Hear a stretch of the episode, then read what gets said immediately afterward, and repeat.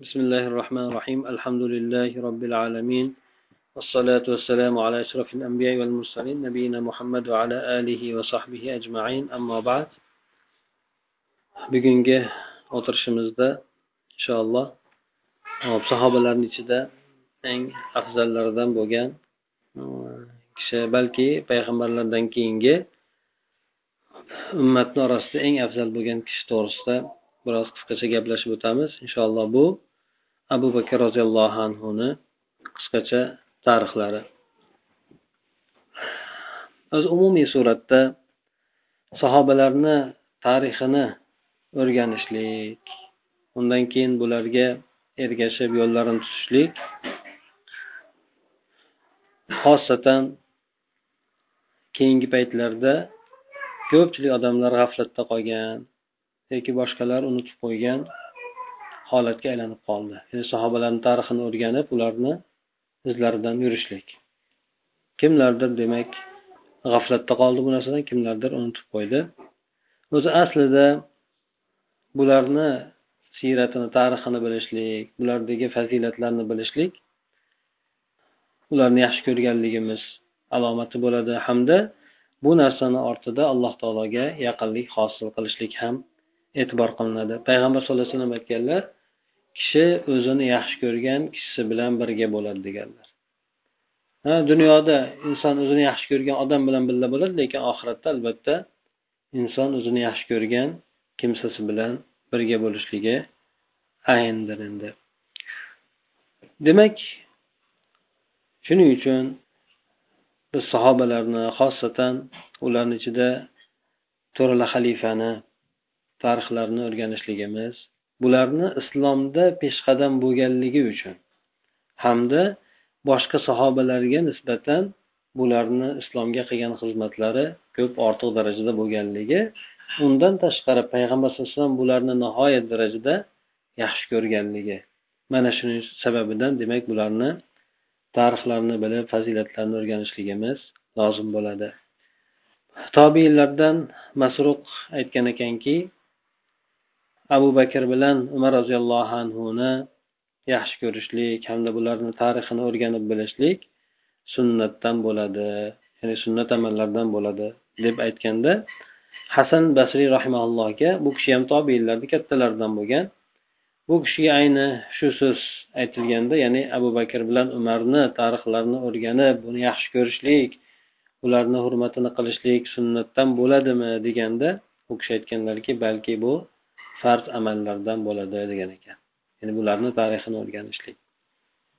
Ibn javziy rahimalloh aytgan ekanki salaflar o'tgan ajdodlarimiz bolalariga abu bakr bilan umarni muhabbatini xuddi bir surani o'rgatgandek o'rgatishar edi. Bolalariga demak xuddi qur'on suralarini ta'lim bergandek alohida sahobalarni tarixlarini fazilatlarini bularga o'rgatishardi ibn taymiyani gapida keladiki xulafoi roshidinlar sahobalar shularni hammasida har bir demak musulmon odamda qiyomat kunigacha nima yaxshilik bo'lgan bo'lsa har bitta musulmon odamda nima yaxshilik bo'lgan bo'lsa iymon bo'lsin islom bo'lsin qur'on ta'lim bo'lgan bo'lsin ilm o'rganganligi bo'lsin ma'rifati bo'lsin ibodati bo'lsin jannatga kirishligi bo'lsin do'zaxdan qutulib qolishligi bo'lsin. Hattoki kofirlar ustiga g'alaba qilishligi alloh taoloni kalimasini oliy qilishlik mana shu narsalarda hammasida mana shu sahobalarni qilgan ishini barakoti bilan bo'ladi. Ya'ni hozirgi kungacha to qiyomatgacha bizda musulmonlarda islom ummatida qanaqa bir yaxshilik jinday bo'lsa ham yaxshilik fazilati bo'ladigan bo'lsa o'sha narsani hosil bo'lishligi sahobalarni barakoti bilan bo'lgan o'shalarni sababi bilan bo'lgan edi. Bular mana bu dinni yetkazishdi allohni yo'lida jihod qilishdi.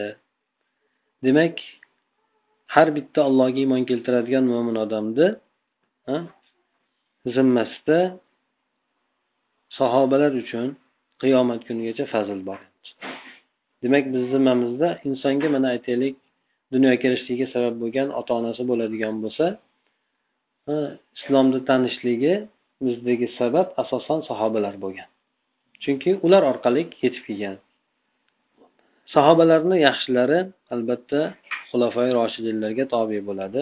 Chunki birinchi eng afzallik xulofai roshidinlarga berilgan. Abu bakr umar usmon ali asosan shular endi. Eng sahobalarni yuqori darajada turadigan qolgan sahobalar ularga endi tobedir endi. Bu sahobalar dunyo din borasida hamma yaxshilikni hm, o'sha sahobalar ham o'sha asosan o'sha keyingi davrdagi kelganlari shu payg'ambar sallallohu alayhi vasallam bilan avvalgi davrda birga bo'lgan sahobalardan olishgan o'zi. Mana aytaylik rivoyatlarni ham ko'plari sahobalarni avvalgi o'tganlardan olingan. Masalan abdulloh ibn abbos bo'lsin abdulloh ibn umar abdulloh ibn amr ibn os bular abdulloh ibn zubayr. Bular hammasi ko'plab rivoyat qilishgan. Bo'lsa hattoki oysha onamizdan avvaldagi sahobalardan olib rivoyat qilishgan. Avvaldagi sahobalarni payg'ambar sallallohu alayhi vasallam bilan birga bo'lishligi nihoyat darajada ko'p bo'lgan. Bular mana makkada e, islomga kirishgan bo'lsa o'sha davrdan beri payg'ambar alayhisalom bilan birgalikda hayot yo'lini bosib o'tishgan. Butun payg'ambar alayhisalom to'g'risidagi ma'lumot bo'lsin u kishi aytgan so'zlari bo'lsin avvalgi davrlarda hammasi o'sha payg'ambar alayhissalomni yaqin sahobalaridan olingan. Shuning uchun e, mana oysha onamizni ham yoki boshqa sahobalarni ham qaraydigan bo'lsak ular payg'ambar alayhisalom davridagi avvaldagi makkada o'tgan davrlarni hadis qilib aytishadida lekin u davrlarda o'zi bo'lmagan ular. Yoki ishtirok etmagan yoki u paytlarda ular juda yosh bo'lgan asosan olgan narsalari shu eski avvaldagi peshqadam bo'lgan sahobalardan olishgan. Bularni ichida shu to'rala sahobalar bo'lganligi aniqdir endi. Hop bu sahobalarda aytadiki allohga qasamki ibn tamiyani gapi davom etyapti. Bu ummatni eng afzal odamlar hisoblanadi. Qalbi nihoyatda pok e, ilmda nihoyatda chuqur bo'lgan takallufi oz bo'lgan. Takalluf ya'ni inson o'zini qiynashligi bir keraksiz bo'lgan narsalarga qiynashligi bu narsasi ozroq bo'lgan. Alloh taolo bu odamlarni o'zini eng suygan payg'ambariga hamroh bo'lishlikka tanlagan odamlar bo'lgan. Hamda dinini barpo qilishlik uchun mana shu kimsalarni tanlagan. Demak endi bu odamlarni fazlini bilishinglar kerak hamda ularni izlariga ergashishlik kerak. Hop ularni axloqlaridan dinlaridan qodir bo'lgancha lozim tutishlik kerak bo'ladi endi. Chunki sabab bular eng to'g'ri yo'lda bo'lgan kimsalar bo'lgan. Sahobalarni har biri agar olib ko'radigan bo'lsak bular islomda har birlari islomda shakllantirgan. Islomni tirik suratda shakllantirgan kimsalar bo'lgan. Shuning uchun e, rivoyatlarda keladi sahobalar bir yulduz kabi deb. Garchi buni rivoyati zaifligi aytilsada lekin haqiqatdan ma'no jihatdan ular xuddi yulduz kabi bo'lishgan. Ya'ni yulduz nima odamlar ularni ko'rib yo'lini topadigan odamlar bo'lishgan. Bularda mana har bittasi o'ziga yarasha madrasa bo'lgan ularni ichida keyingi tobiinlarga ilm tarqalishligida ham alohida alohida sahobalarni o'zlarini madrasalari bo'lgan ana o'sha madrasalar orqali ilm tarqalgan. Eng qiziq bo'lgan joyi alloh taolo bularni qur'oni karimda maqtadi. Sahobalarni.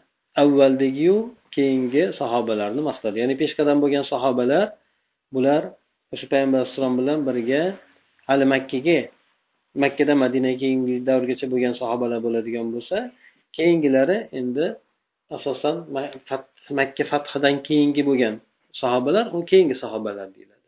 O'shangacha bo'lgan sahobalar avvalgi peshqadam bo'lgan sahobalar deyiladi.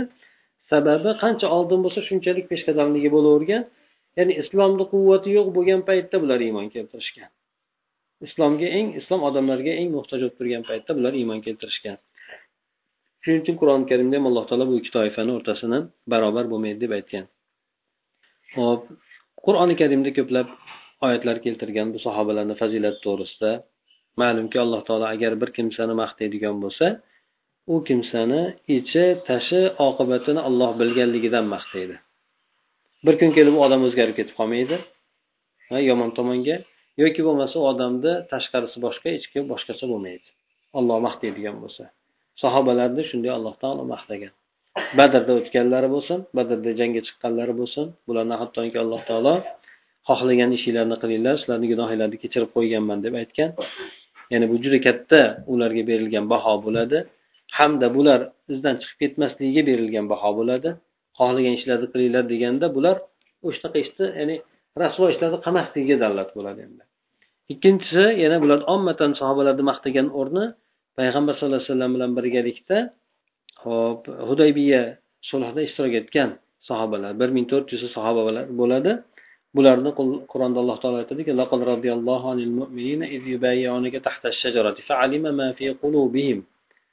alloh taolo o'sha yerda sizga bayat bergan sahobalardan rozi bo'ldi hamda ularni qalbida kechib turgan narsalarni alloh taolo hammasini bildi. Bular bir ming to'rt yuzta sahoba bo'ladi. Bularni borasida hadisda keladi o'sha bayat rizvon deydi ya'ni o'sha daraxt tagida payg'ambar sallallohu alayhi vasallam bilan birga bayat qilganda odamlarga do'zax o'ti tegmaydi deb aytilgan. Do'zax to'yi tegmaydi deb. Badrda ishtirok etganlarni gunohlarini alloh taolo kechirganligini aytib qo'ygan. Bularni ichida abu bakr umar usmon ali bor edi endi. Nimadayam bular bor edi. Daraxtagidagi bayat qilingan o'rinda garchi usmon roziyallohu anhu ketib nima qilgan taqdirda ham payg'ambar alayhissalom u kishini nomidan ham o'zi bayat qiladi. Usmonni nomidan deb turib alohida aytib bayat qilinadi u kishini o'zi bayat qilinishligini sababi usmon roziyallohu anhu makkaga u kishi elchi qilib jo'natadi.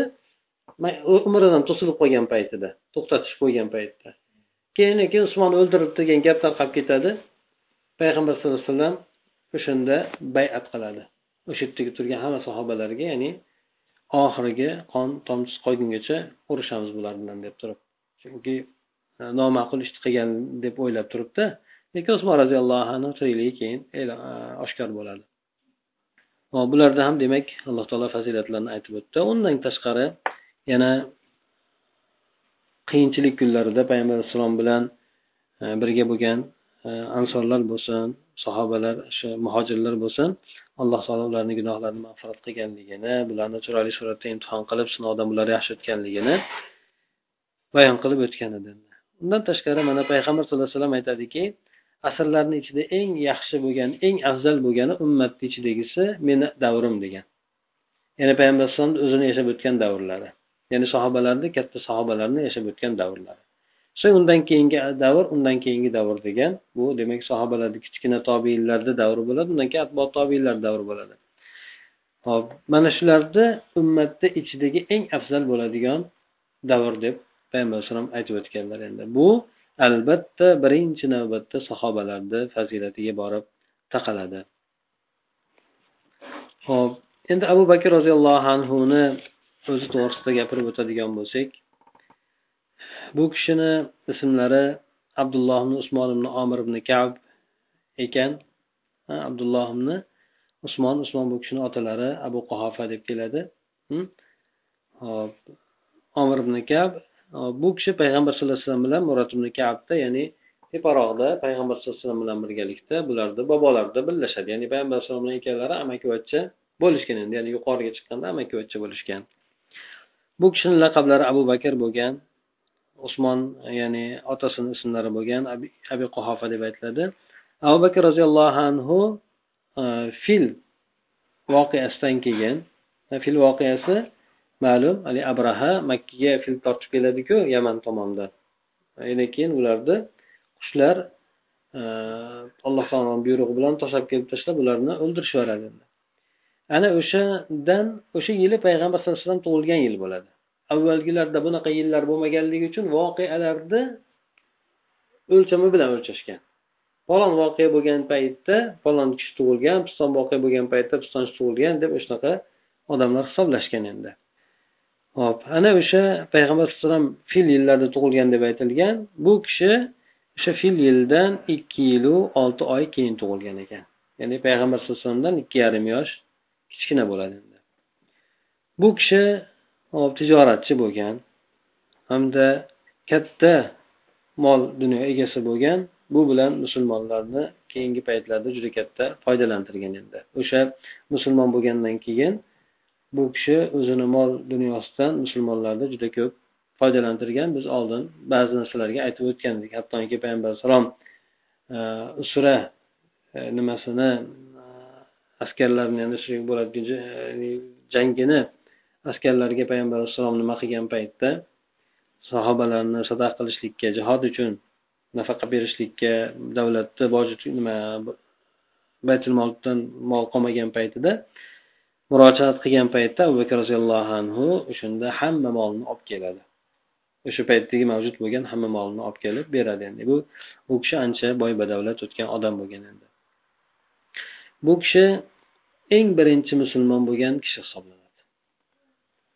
Erkaklardan eng birinchi musulmon bo'lgan odam ayollardan hadisha onamiz bo'lgan bo'lsa erkaklardan abu bakr roziyallohu anhu birinchi musulmon bo'lgan odam bo'lgan. Payg'ambar sallallohu alayhi vasallam bu kishini siddiq deb nomlaganlar.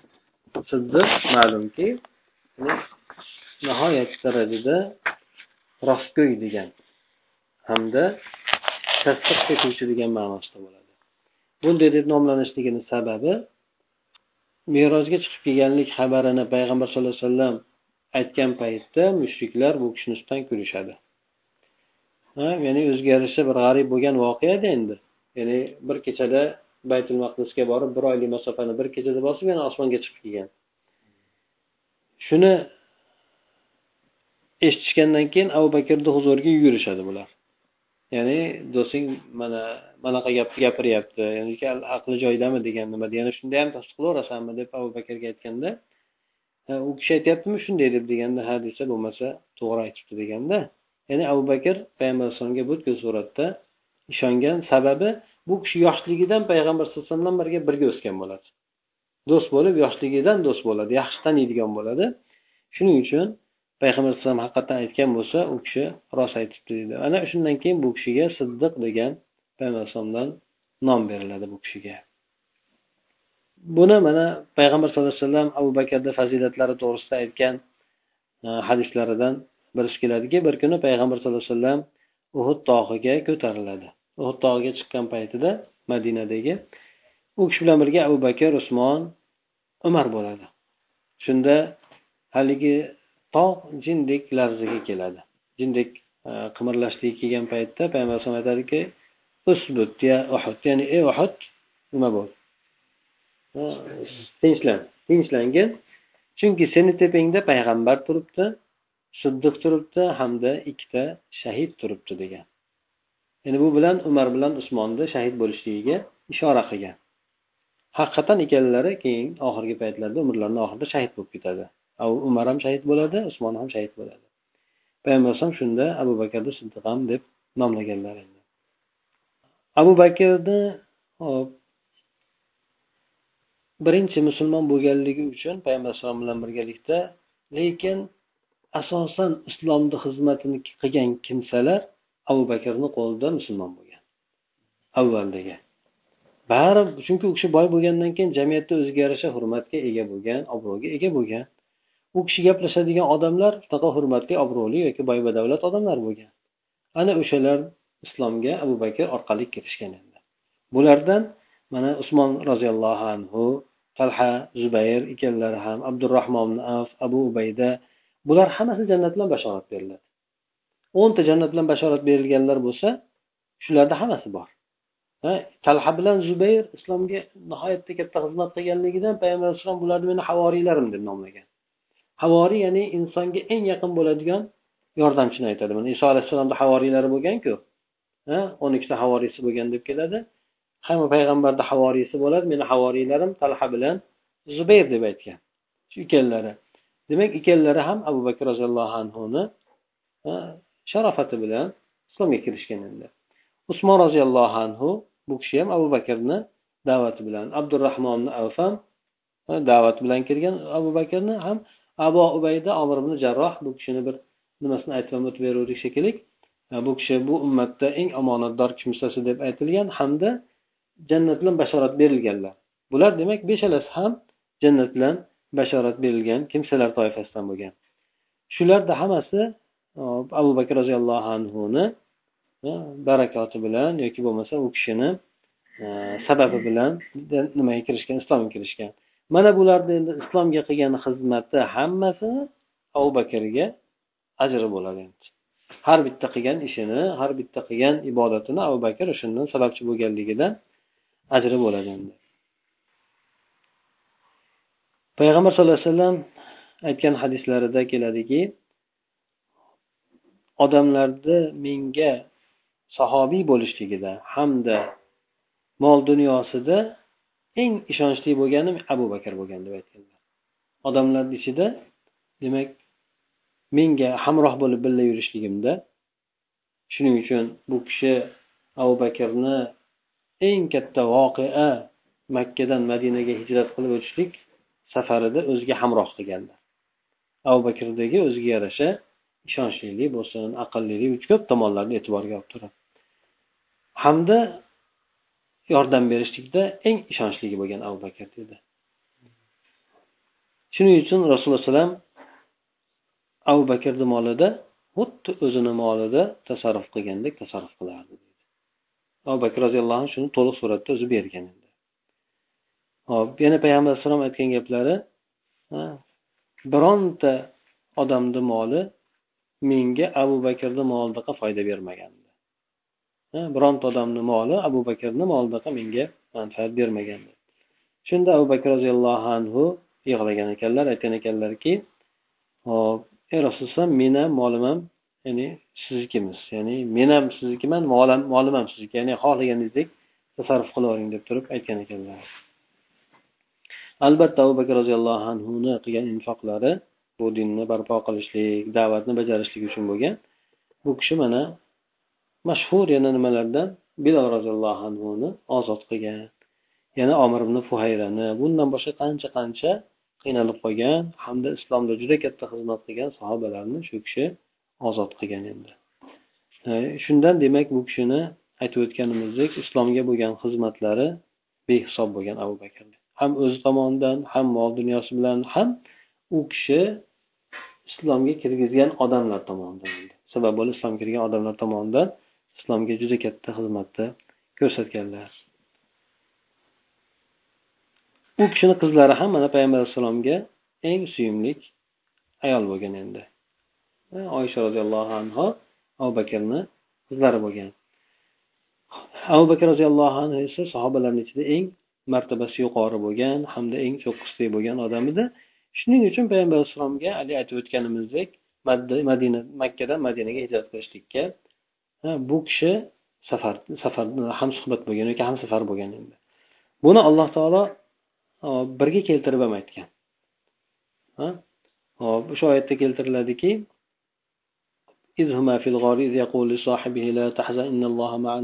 ya'ni abu bakr bilan roziyallohu abu bakr bilan e, Payg'ambar payg'ambar alayhissalomni vasallamning qissasi demak qur'oni karimda zikr qilingan. O'sha g'or voqeasi hamda g'or voqeasida payg'ambar alayhissalom abu bakr roziyallohu anhu payg'ambar sallallohu alayhi vasallamga nihoyatda o'z joniga emas payg'ambar alayhissalomga achin kuyunganligi. Chunki aytadiki u kishi agar dushmanlar oyog'ini tagiga qaraganda bizni ko'rardi deydi. G'or tepasiga kelgan paytda. Hattoki bu kishi bir o'sha paytda rivoyatda keladi bir chayon turadi. Payg'ambar alayhissalomni chaqmasin deb o'zini qo'linikin oyog'ini oyog'ini qo'yadiyu qo'lini oyog'ini qo'yadi faqat uni abu bakrni ichi joyini ham chaqadi o'sha nimada. Ya'ni dushman kelib qolgan paytida bo'ladi. Shunda ham og'zini chiqarmasdan turganligi. O'sha kelgan paytida. Shunchalik nimasi bo'lmasdan. Ya'ni hatto yig'laveradi payg'ambar alayhisalomga ya'ni shuncha nima qilib turgan paytda ya'ni dushman o'zidan emas balki payg'ambar alayhisalomni qo'rqqanligidan yig'laganda payg'ambar alayhisalom shunday aytadi qo'rqmang. Olloh bilan nima gumoningiz borki biz ikkishimiz uchinchimiz olloh deganda biz olloh saqlaydi degan. Shundan alloh taolo bir mo'jiza qilib saqlab qo'yadi bularni. Bir kaptar keyin o'rgimchakni nimasi nimada ham risolada ham borku. Alloh taolo demak shunday qilib saqlab qo'yadi. Bungacha bu kishi nihoyatda qattiq payg'ambar alayhissalomda payg'ambar alayhissalomga kuyunishligi demak bu dinni kelajagiga kuyunishligi bo'lgandi bu kishini. Qur'oni karimda mana vallayli surasini oxirida keladi. E, e, deb keladi oyatda. Ya'ni do'zaxni zikr qilib turib bunda eng taqvodor bo'lgan kimsa bundan chetlanadi deb turib ya'ni bironta abu bakr roziyallohu anhu to'g'risida tushgan oyat bu oyat deyishadi. Ya'ni bironta bir infoq qilgan bo'lsa bironta xizmat qilgan bo'lsa faqat alloh roziligi uchun qilgan degan mazmundagi oyat bor endi.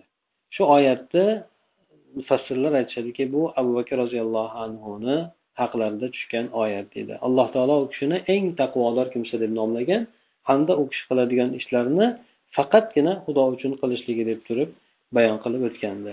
Buni abu bakr roziyallohu anhuni fazilatidan deb aytiladi endi. Hop bu kishini abu bakr roziyallohu anhuni boshqa sahobalardan ajratib turadigan narsalari juda ko'p bo'lgan. Bu kishi sahobalarni ichida eng zohidi bo'lgan.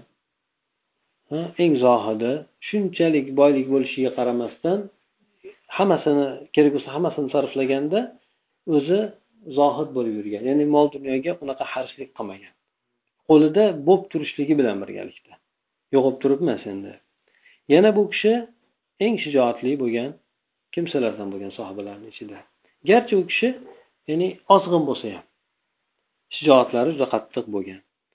Hop bu kishini shijoatlarini nimada e, bo'lgan paytida murtadlarga qarshi bo'lgan urush paytida qattiq turadilarku bu kishi murtadlarga qarshi. Endi murtadlar chiqib payg'ambar alayhisalom vafot etgan. Bu kishi xalifalikka saylangan. Ana o'shandan keyin murtadlar odamlar murtad bo'lib ketib qolishadi. Ya'ni orqaga qaytib ketib qolishadi. Kimlarni zakot bermaymiz deb zakotdan qaytishadi. Kimlarni butunlay dindan qaytib ketishadi. Shunda sahobalar ham ikkilanib qoladi. Bularga qarshi urushsakmikan urushmasakmikan bular la ilaha illalloh deydi. Ya'ni musulmon bular davo qilyapti. Yana bir nimadan qaytib ketishgan? aytganda zakotni bermaymiz deyapti. Deb sahobalar turgan paytda bitta abu bakr roziyallohu anhu qattiq turadi shu yerda men namoz bilan ro'zani o'rtasini ajratgan odamlar bilan qarshi jang qilaman deydi. Qattiq turadi. Umar boshqa sahobalar hammasi ya'ni ikkilanib turadi. Ya'ni urushmaylik degan nimada. Keyin keyin umar roziyallohu anhu abu bakr bilan gaplashadi gaplashadi gaplashadi. Oxirida aytadiki bildimki abu bakr haqda ekan deydi. Oxiri shunga umar ham ko'nadi rozi bo'ladi boshqa sahobalar ham rozi bo'ladi. Go'yoki sahobalar tomonidan bir ijmoda qabul qilinadida o'sha paytda zakotni man qilgan odamlarga qarshi kurashishlik xuddi dindan murtad bo'lib ketgan odamlarga qarshi kurashgan deganda shunaqa qilib demak abu bakr roziyallohu anhu shu o'rinda haqni ustida kim bo'lishidan qat'iy nazar mahkam turadi endi. Bu kishini tabiatiga qaraydigan bo'lsak payg'ambar sallallohu alayhi vasallam davrlarida bu kishi shunaqangi bir nima bo'lgan? Ko'z yoshi bir judayla to'kilaveradigan yuragi juda yumshoq odam bo'lgan. Abu bakr roziyallohu anhu. Shunda mana nima qiladigan bo'lsak aytadiku payg'ambar alayhisalom vafot etishlik paytida oxirgi kasal bo'lib turgan paytda odamlarga aytinglar abu bakr birga namoz o'qisin abu bakr imom bo'lib namoz o'qisin deydi. Shunda ayollariga aytadida oysha onamiz aytadiki ey abu bakr deydi namozga turadigan bo'lsa o'zini yig'idan to'xtatolmaydi deydi. Ya'ni odamlar ovozini ham eshitmay qoladi. Yaxshisi hafsa onamizga aytadi boshqasini aytsin ya'ni boshqa odam namoz o'qib bersin. Umarga aytaylik boshqa aytaylik namoz o'qib bersin.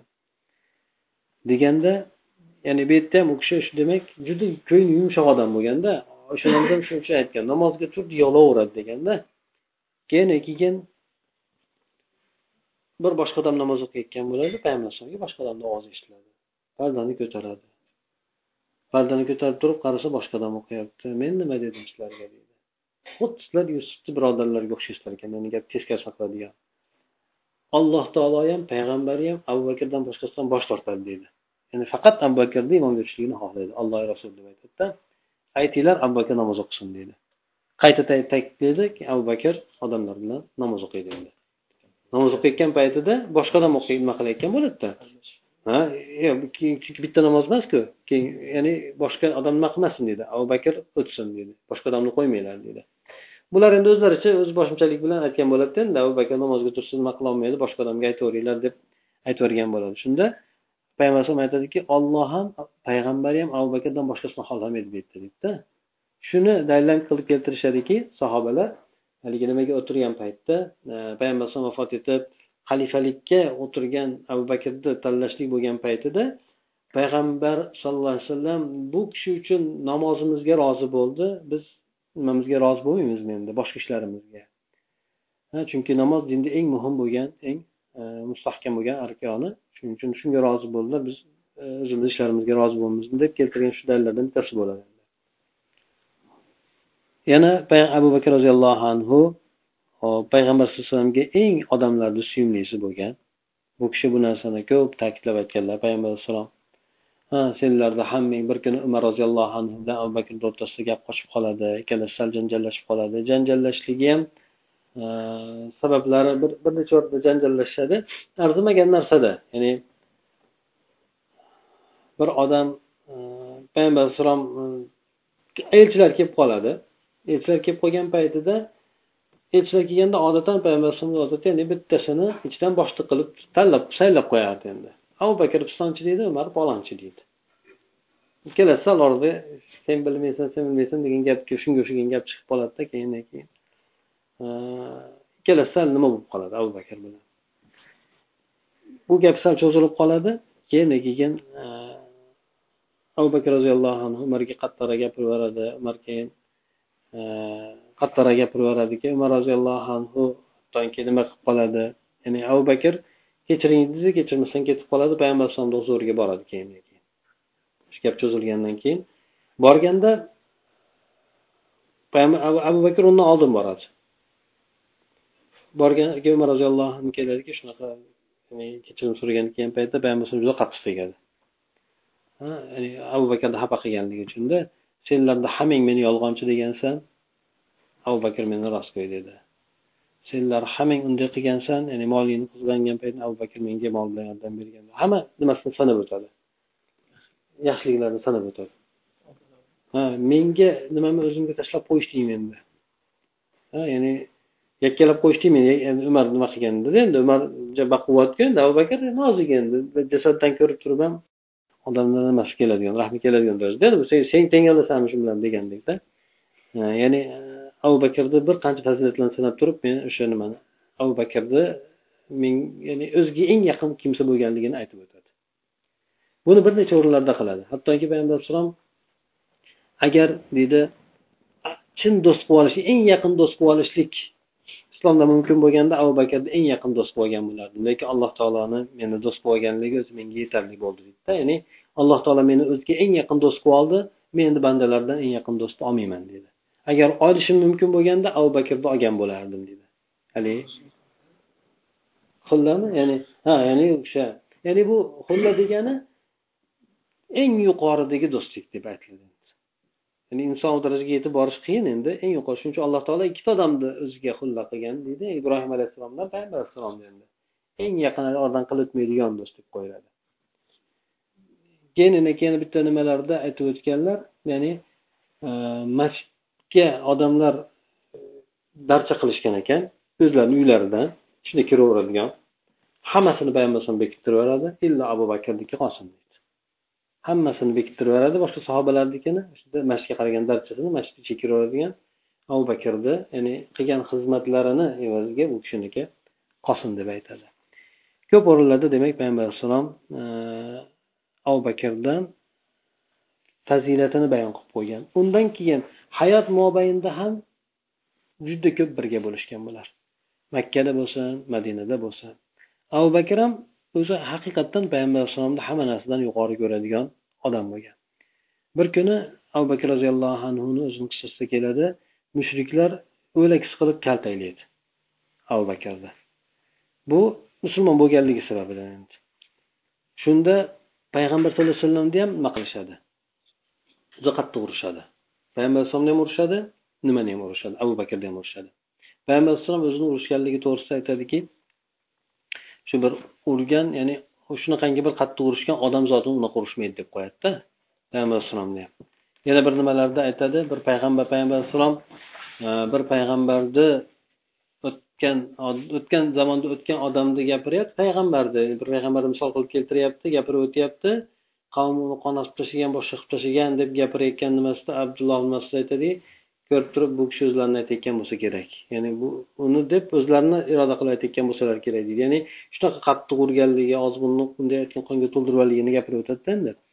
Shunda abu bakr roziyallohu anhuni qavmi ajratib olib turib urayotgan odamlardan oxiri bitta nimaga adyolga o'xshagan narsani solib turib kiyimni yozib turib solib olib kirishadi. Ko'tarib olib kirishgan paytda aytishadiki abu bakrni o'limida shubha qilishmasdi. Ya'ni bu o'ladi deb nima qilishadi tami yo'q uni tepalab bunaqa tashlashgan bo'ladi. Keyin keyin onasini oldiga olib kirishadi. Sal bu suv puv berganda nima qilishadi? Birinchi o'ziga kelib turib e, gapirgan gapi rasulullohga nima bo'ldi deydi rasulullohga nima bo'ldi deganda u olib kirgan qavmi ey qurib ket qurib ketay.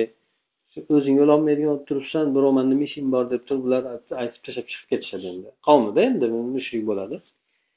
Shundan keyin lekin onasiga aytishadiki bir narsalar berib sal quvvatlab quvvatini joyiga keltirib qo'ying deydi keyin onasi hali islomga kirmagan bo'ladi.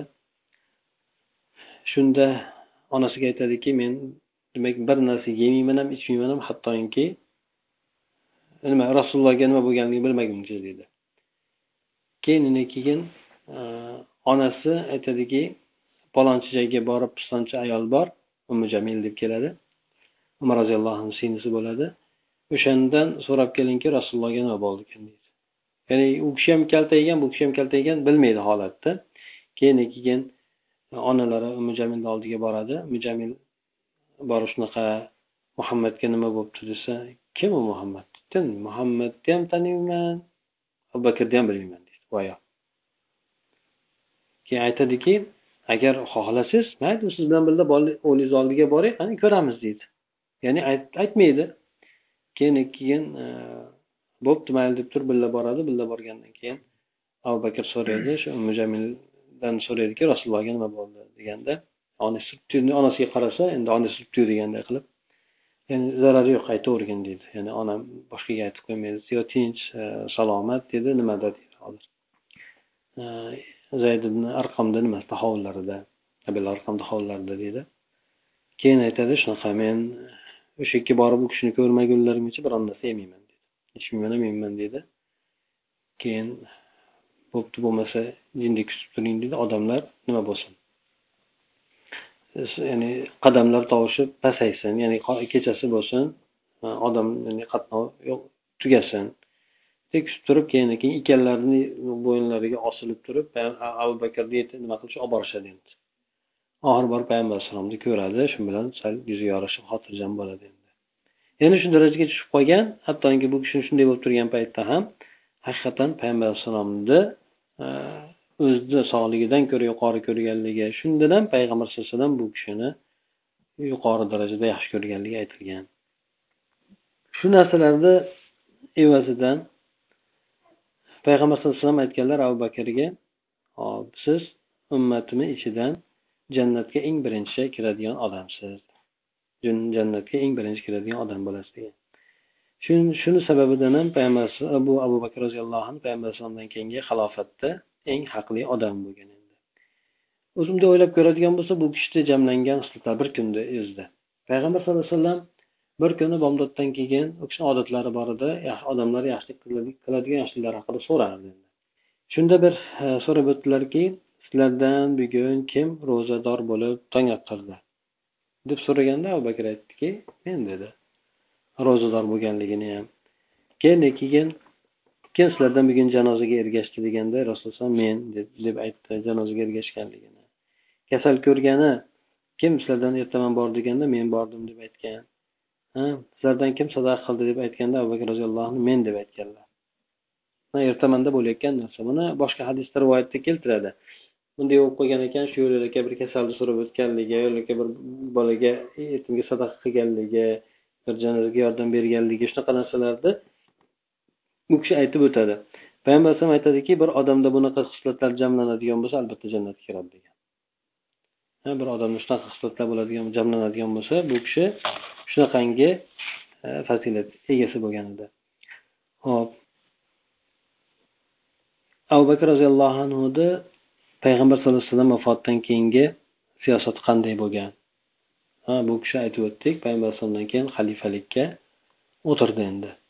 Ya'ni abu bakr roziyallohu anhu tanlangandan keyin muhojirlar ham ansorlar ham u narsaga taslim bo'lishdi. Ya'ni rozi bo'lishdi. Bo'lmasa abu ubayda umar ikkalasi to'g'risida bo'layotgandi abu bakr shu ikkalasidan bittasini qilamiz deyotgandi. Ularda endi shijoat ya'ni jasad boshqasi borligi uchun ansorlar boshqa abu ubaydani nima ibodatul somitni bular o'zlaridan nima qilishyotgandi xalifalikka nomzod qilib shunda orada sal gap ko'payib qolgan paytda umar roziyallohu anhu abu bakrga aytibdi qo'lingizni bering deydi qo'lini bersa abu bakrga bayat qiladi. Abu bakrligini bilishgandan keyin qolganlar ham bayat qiladi. Ya'ni hammaga ma'lum edi. Payg'ambar alayhissalomni nazdida bu kishidan ko'ra afzal odam yo'q edi. Payg'ambar alayhissalomga eng yaqin yo'l jihatdan ham bu kishidaqa odam yo'q edi endi. Shuning uchun bular hammasi abu bakrga taslim bo'lishadi. Shunda bu kishi o'zini o'sha xalifalikka o'tirilgandan keyin olib boradigan siyosatini qisqacha suratda aytib o'tadi endi. Aytadiki ey odamlar men sizlarni tepalaringizga voliy qilib saylandim lekin sizlarni eng yaxshilar emasman. Shunday bo'lsada voliy qilib saylandim sizlarni agar men yaxshilik qiladigan bo'lsam sizlar menga yordam beringlar. Yaxshilik yo'lida. Agar yomonlik qiladigan bo'lsam meni to'g'irlab qo'yinglar. Bironta noto'g'ri ish qiladigan bo'lsam meni to'g'irlab qo'yinglar. Rostgo'ylik demak omonat bo'lgan narsa yolg'onchilik esa xiyonat bo'lgan narsa. Rost gapiringlar sizlarni zimmanglardagi omonat. Yolg'on gapirmanglar xiyonat qilasizlar ya'ni to'g'irlab qo'ymasdan yo yaxshi qilyapsan deydigan bo'lsanglar menga xiyonat qilgan bo'lasizlar. Rost gap gapirsanglar sizlarni zimmanglardagi omonat buni meni to'g'irlashimga yordam bergan bo'lasizlar. Sizlarni oralaringizdagi zaif bo'lgan odam meni nazdimda meni huzurimda u odam kuchli bo'ladi hatto unga haqqini olib bergunimgacha inshaalloh degan.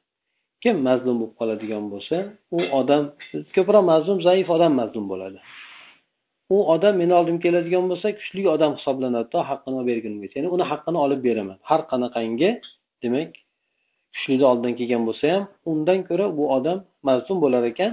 Haqqini olib bergunimgacha bu odam undan ko'ra kuchli bo'ladi. Meni nazdimda uni gapi asosan e'tibor qilinadi degan mazmunda aytgan ho'p sizlarni ichlaringizda kuchli bo'lgan odam agar zulm qiladigan bo'lsa meni huzurimda eng zaif odam bo'lib qoladi. Har qanaqangi yo'l bilan uni haqqini olib beraman undan haqqini olib beraman inshaalloh deganlar. Hop bir qavm olloh yo'lidagi jihodni tark qilar ekan alloh taolo ularga xorlikni beradi degan. Allohni yo'lidagi harakat jihodini tark qilar ekan alloh taolo ularga xorlikni beradi. Hop bironta bir qavmda fohishalik tarqalib ketadigan bo'lsa alloh taolo ularga baloni ommatan tushiradi.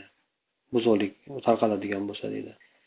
Allohga rasuliga itoat qiladigan bo'lsam menga itoat qilinglar. Agar osiylik qiladigan bo'lsam alloh rasuliga men menga hech qanaqangi itoat qilmanglar deb aytgan. Mana shu u kishini olib borgan siyosati bo'lgan siyosat yo'li bo'lgan. Ya'ni mazlum bo'lgan odamlarga yordam berishlik zolimdan har qanaqangi bo'lsa ham haqqini olib berishlik hamda jihodni davom ettirishlik yomonlik bo'lgan narsalarni ummatini ichida tarqalishlikka yo'l qo'ymaslik. Mana shu narsa demak ham alloh rasuliga itoat qilishlik bo'lgan. Mana shu kishini demak olib borgan siyosati bo'lgan o'sha paytda bu kishi xalifalikka o'tirgan paytda undan oldin usoma roziyallohu anhuni payg'ambar sallallohu alayhi vasallam urushga chiqishlikka tayyorlab qo'ygan edi. Rum bilan bo'ladigan bir jangga bir joyga borib o'sha yerda rumiylar bo'lgan joyga borib jang qilib kelishlikka usomani tayyorlab qo'ygan edi.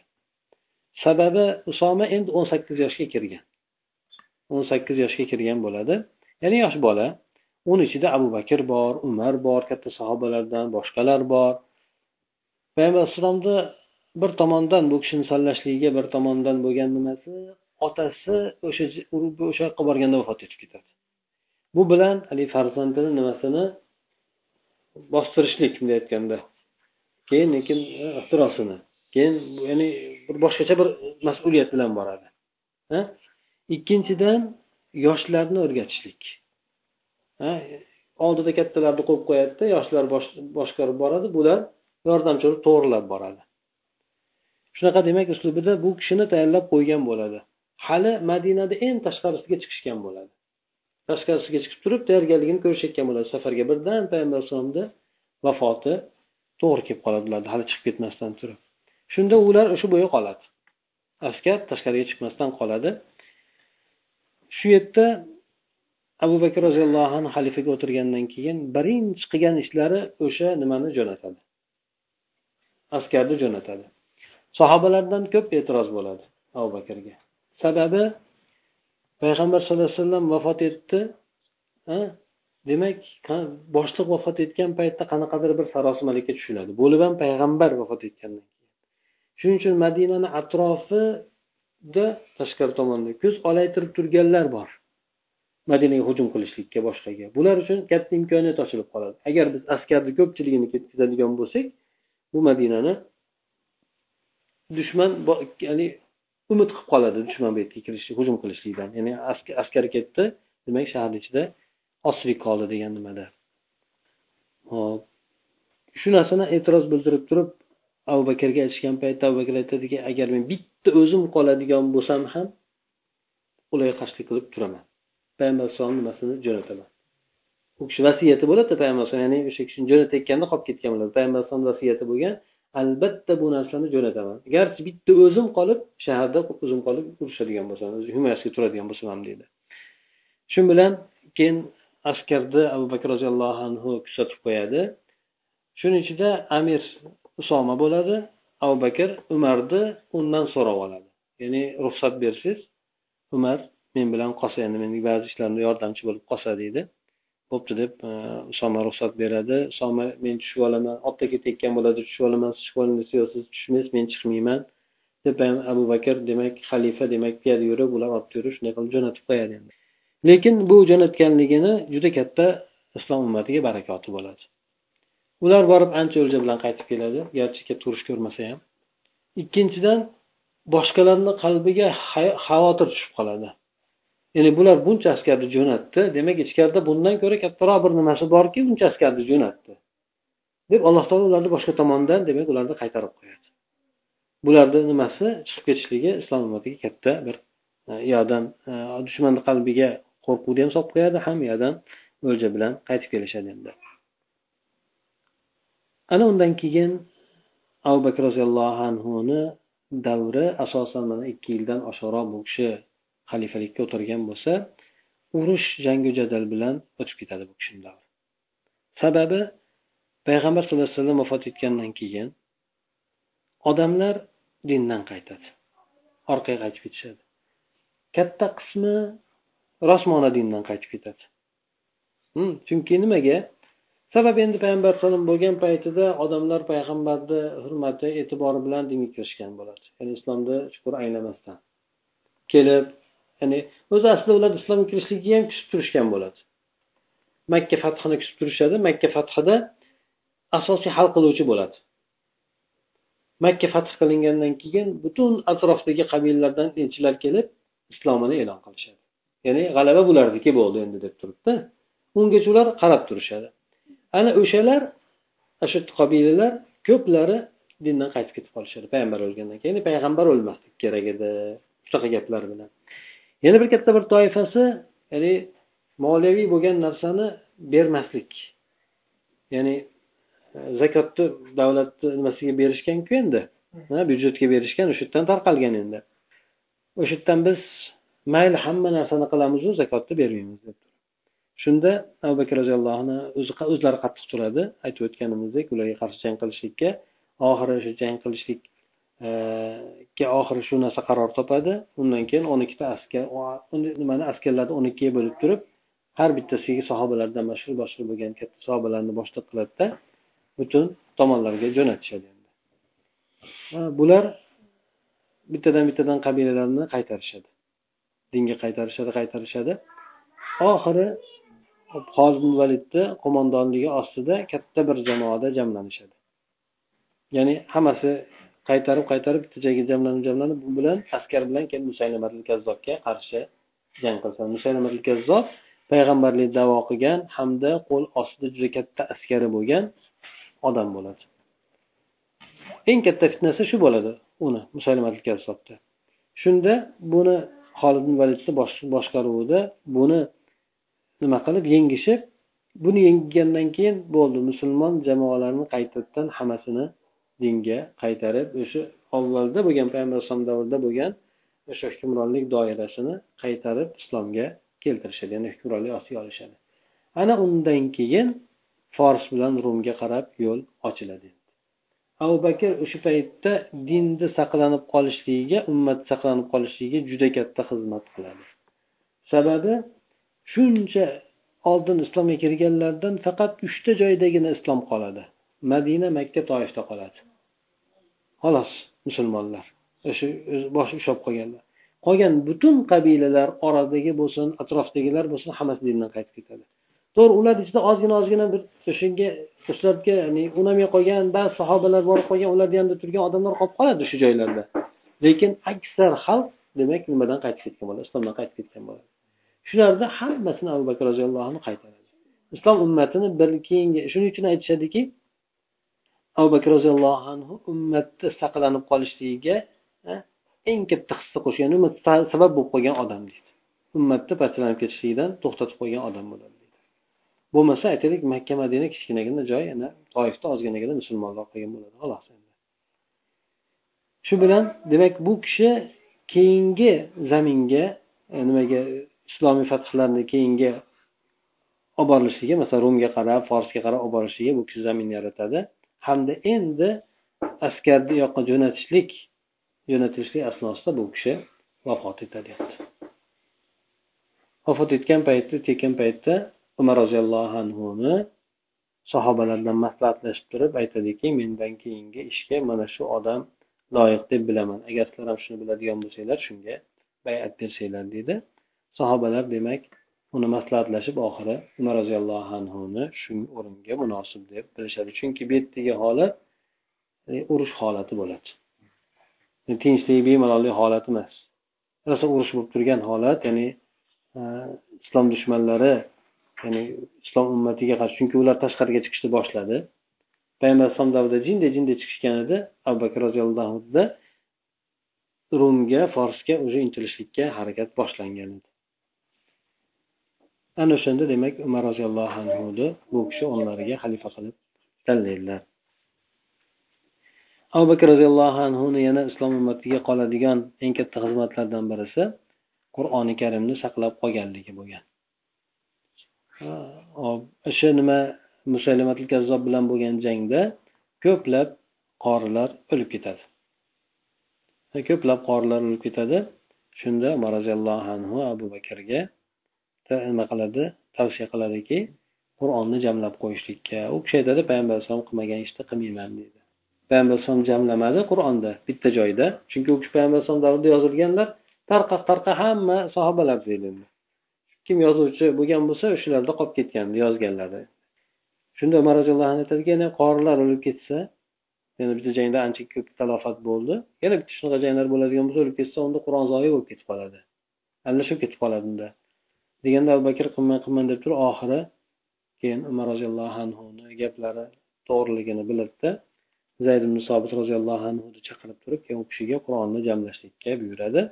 Birinchi abu bakr roziyallohu anhu davridagi qur'onni jamlashlik sahobalarda yozib qolingan qur'on oyatlar yozib qolingan varaqlar bo'lganku endi. Bu varaqlar e, baklari bo'lsin terilar bo'lsin suyaklar bo'lsin nima to'g'ri kelgan bo'lsa yozishgan oldi imkoniyatida bor bo'lgan narsada o'sha narsalarni hammasini jamlab turib bitta nimaga yozib qo'yishlik.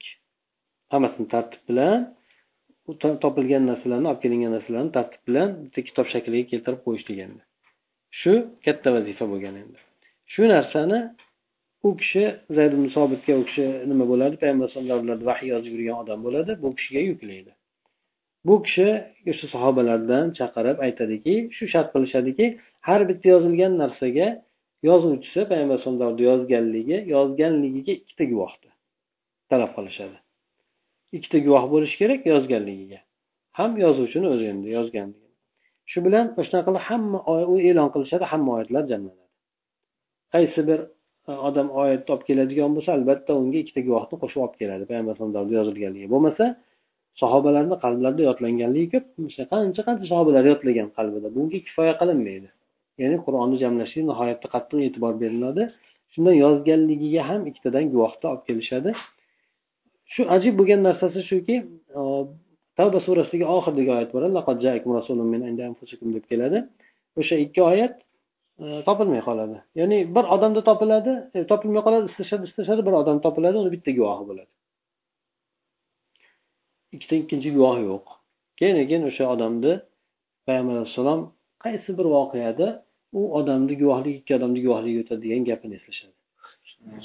U odamni guvohligi ikki odamni guvohligi o'tadi deb. Qanaqadir voqeada aytgan bo'ladi payg'ambar alayhisalom o'sha narsani eslashadida payg'ambar alayhisalom shunday degan edi bu odam haqida ikkita odamni guvohligiga o'tadi degan edi deb o'sha oyatni qabul qilishadi shu bilan qur'on mukammal yig'iladi o'sha paytda. Yig'ib turib uni olib qo'yishadi. Ya'ni uni aralashtirishmaydi ya'ni olib jamlab bunday aytganda saqlab qo'yishdi endi. Ekzemplyar turib olib qo'yishdi endi uni sandiqqa solib qo'yishdi endi. Bo'ldi sahobalarni o'zlarini qur'onlari bor o'zlari yodlagan hammasi bor endi.